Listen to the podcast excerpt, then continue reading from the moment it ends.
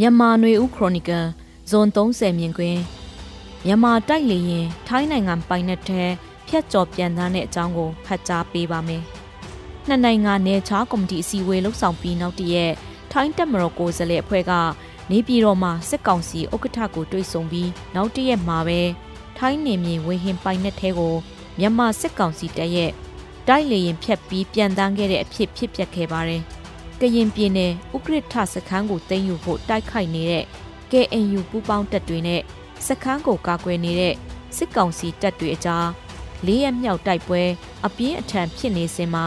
စစ်ကောင်စီရဲ့လေကြောင်းတိုက်ခိုက်မှုတွေလှုပ်ဆောင်တဲ့စစ်တိုက်လေရင်ကထိုင်းနေဆက်ဖက်ကိုဖျက်ကျော်ပြန်တန်းခဲ့တဲ့အဖြစ်ပြက်ဒီနေ့မှဖြစ်ပွားခဲ့တာဖြစ်ပါတယ်။ထိုင်းစစ်တပ်ကအရေးတာမှာမြန်မာစစ်လေရင်ကိုတွေ့ရှိရလို့ထိုင်းလေတပ်ရဲ့တိုက်လေရင်နှစ်စင်းပြန်တက်ပြီး ထိုင်းနိုင်ငံရဲ့မြန်မာဘက်နဲ့ကပ်လက်ရှိတဲ့နေဆက်ကကျေးရွာကစာတင်ကျောင်းကစာတင်တာရန်နာပြီးကျောင်းသားတွေကိုပြန်လွှတ်လိုက်ရတဲ့အဖြစ်ပြက်ဖြစ်ပျက်ခဲ့ပါတယ်။နှစ်နိုင်ငံနယ်ဆက်မြင်းကတောင်ရင်မြစ်အနေနဲ့စီးဆင်းနေတဲ့ဒေသမှာ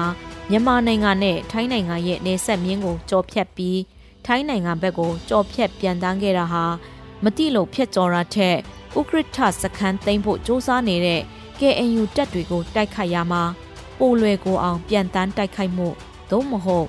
ထိုင်းနိုင်ငံကမြန်မာစစ်ခေါင်းဆောင်တွေနဲ့ရင်းနှီးတဲ့ဆက်ဆံရေးရှိရဆိုတာမျိုးကို၎င်းကိုထောက်ခံသူတွေကိုပြချင်လို့စိတ်အားတက်ကြွအောင်လှုပ်ဆောင်ပြတာမျိုးလားလို့စဉ်းစားစရာရှိပါတယ်။ဒီလိုစိတ်အားတက်ကြွအောင်လှုပ်ဆောင်တာမျိုးတွေအရင်စစ်အစိုးရလက်ထက်ကတစ်ကြိမ်မကရှိခဲ့ပြီးထိုင်းနိုင်ငံမှာစစ်တပ်ကဩဇာရှိတဲ့အချက်နဲ့စစ်ဗိုလ်ချုပ်တွေကဝင်ကြီးချုပ်အဖြစ်အုပ်ချုပ်စဉ်ကာလတွေမှာ မြန်မာစစ်တပ်ဘက်ကလှုပ်ဆောင်လက်ရှိတာဖြစ်ပါတယ်။အရင်60ကျော်ခုနှစ်တွေက KNU နဲ့ပြင်းထန်တဲ့တိုက်ပွဲတွေထိုးစစ်ကာလတွေမှာတခါတရံမြန်မာစစ်တပ်တွေကထိုင်းနယ်မြေထဲကနေဝင်ပြီး KNU စခန်းကိုနောက်ကျောကနေပြန်တိုက်တာမျိုးတွေလည်းဖြစ်ပျက်ခဲ့ဘူးတာဖြစ်ပါတယ်။လက်တလောဖြစ်ပျက်နေတဲ့နေဆက်ဒေသကတိုက်ပွဲတွေမှာလည်းထိုင်းနိုင်ငံအနေနဲ့နိုင်ငံရေးနယ်ပယ်မှာပါဝင်နေရယူထားတဲ့စစ်တပ်ချစ်ချင်းနားလည်မှုကတပိုင်း တစ်ဖက်မှာအနောက်နိုင်ငံတွေနဲ့နိုင်ငံရေးမဟာမိတ်အနေထားစီးပွားရေးဆိုင်ရာဆက်ဆံမှုတန်တမာရေးတွေကိုလည်းမိမပြတ်အောင်ဒုက္ခသည်ကူညီပေးရေးလိုကိစ္စမျိုးနိုင်ငံရေးအတိုက်ခံတွေကိုတရားဝင်မဝင်နေထိုင်နေကြတဲ့ကိစ္စတွေမှာစိုးစိုးရွားရွားမလုံဆောင်ခြင်းဖြင့်နှစ်ဖက်ကိုသူ့နီးပရိယာနဲ့သူဆက်ဆံနေတဲ့သဘောမျိုးတွေ့ရတာဖြစ်ပါတယ်။ဒီနေ့သတင်းတွေထဲမှာတော့ခုရက်ပိုင်းတွင်သတင်းထွက်ပေါ်နေတဲ့လူတရားဝင်းကျင်ရဲ့နာမည်ပါရှိတဲ့ လောက်ကျန်တက်ဖြတ်မဲ့စင်းကို UNG ကပြုစုထားတဲ့ဆိုတဲ့ social media မှာပြန့်နှံ့နေတဲ့သတင်းနဲ့ပတ်သက်လို့ UNG ဖက်ကထုတ်ပြန်ချက်ထုတ်ပြီးဒီသတင်းကအခြေမြင့်မရှိကြောင်းကြေညာလိုက်ပါတယ်။ UNG အနေနဲ့နိုင်ငံရေးအရာသဘောထားကွဲပြားမှုတွေကိုတံမိုးထားပြီးတက်ဖြတ်လောက်ကျန်မှုတွေဘယ်တော့မှလှုပ်ဆောင်မှာမဟုတ်သလိုအဲ့ဒီလိုလောက်ကျန်တက်ဖြတ်မှုတွေကိုလည်းရှုတ်ချတယ်လို့ဖော်ပြထားပါတယ်။အခုလိုချိန်မဆွဲပဲမြန်မြန်ဆန်ဆန်ဖြည့်ရှင်းထုတ်ပြန်ခြင်းဟာ ကြိုဆိုရမယ့်လို့ရဖြစ်ပြီးဒီလိုသတင်းတွေဘာကြောင့်ထွက်ပေါ်လာသလဲဆိုတဲ့အပေါ်လဲမြေပြင်မှာစစ်ကောင်စီရဲ့ရစ်ဆက်မှုတွေကိုလက်တုံပြန်ဖို့နဲ့သတင်းပေးကြောင့်ဒီမိုကရေစီအရေးလှုပ်ရှားသူတွေနဲ့ PDF အဖွဲ့ဝင်တွေဖမ်းဆီးခံရတာမျိုးရက်ကွက်အုပ်ချုပ်ရေးကိုမတီးဆောက်နိုင်အောင်ရက်ကွက်အုပ်ချုပ်ရေးကျေးရွာအုပ်ချုပ်ရေးမှာပါဝင်သူတွေ CDM လုပ်တဲ့ဌာနဆိုင်ရာဝန်ထမ်းတွေကိုလုံးကျန်တက်ဖြတ်တာတွေကိုစီစစ်တားစီတင်ပါတယ်။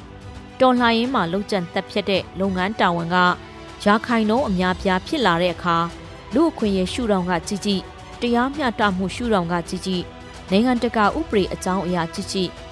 တနေ့နေ့မှာအစွန်းထင်ဖြစ်စရာတွေဖြစ်ပါတယ်။ခုနေချိန်မှာနိုင်ငံတကာအဖွဲ့အစည်းတွေအနေနဲ့ဒီကိစ္စကိုမီးမောင်းထိုးမပြောဆိုကြပေမဲ့စောင့်ကြည့်တာတွေမှတ်တမ်းတင်ထားတာတွေရှိနေမှာမလွဲပါဘူး။ဒါကတန်တမအရေးဖြစ်ပါတယ်။ ပိုအရေးကြီးတာကလူမှုအတိုင်းဝန်းတဲ့စစ်ရေးလှုပ်ရှားမှုတွေကမဟုတ်တဲ့သူတွေကိုမျက်ကွယ်မှာသတင်းပေးတောက်တိုင်လို့တတ်မှတ်ပြီးတေးတာစီရင်တယ်လို့လုံးကြံတက်ဖြတ်မှုတွေကလက်တလောတုံ့ပြန်လုံးကြံတက်ဖြတ်မှုတွေကိုမွေးထုတ်ပေးတယ်လို့စိတ်ဆုံပေးတယ်လို့ဖြစ်စေမှာဖြစ်ပြီးအနာဂတ်အထိစဉ်းစားကြည့်တော့လူမှုအတိုင်းအဝိုင်းမှာဒဏ်ရာတွေကြံ့ရစ်မှာဖြစ်ပါတယ်။တနေ့တစ်ချိန်အသွင်ကူးပြောင်းမှုဆိုင်ရာတရားမျှတမှုမှာ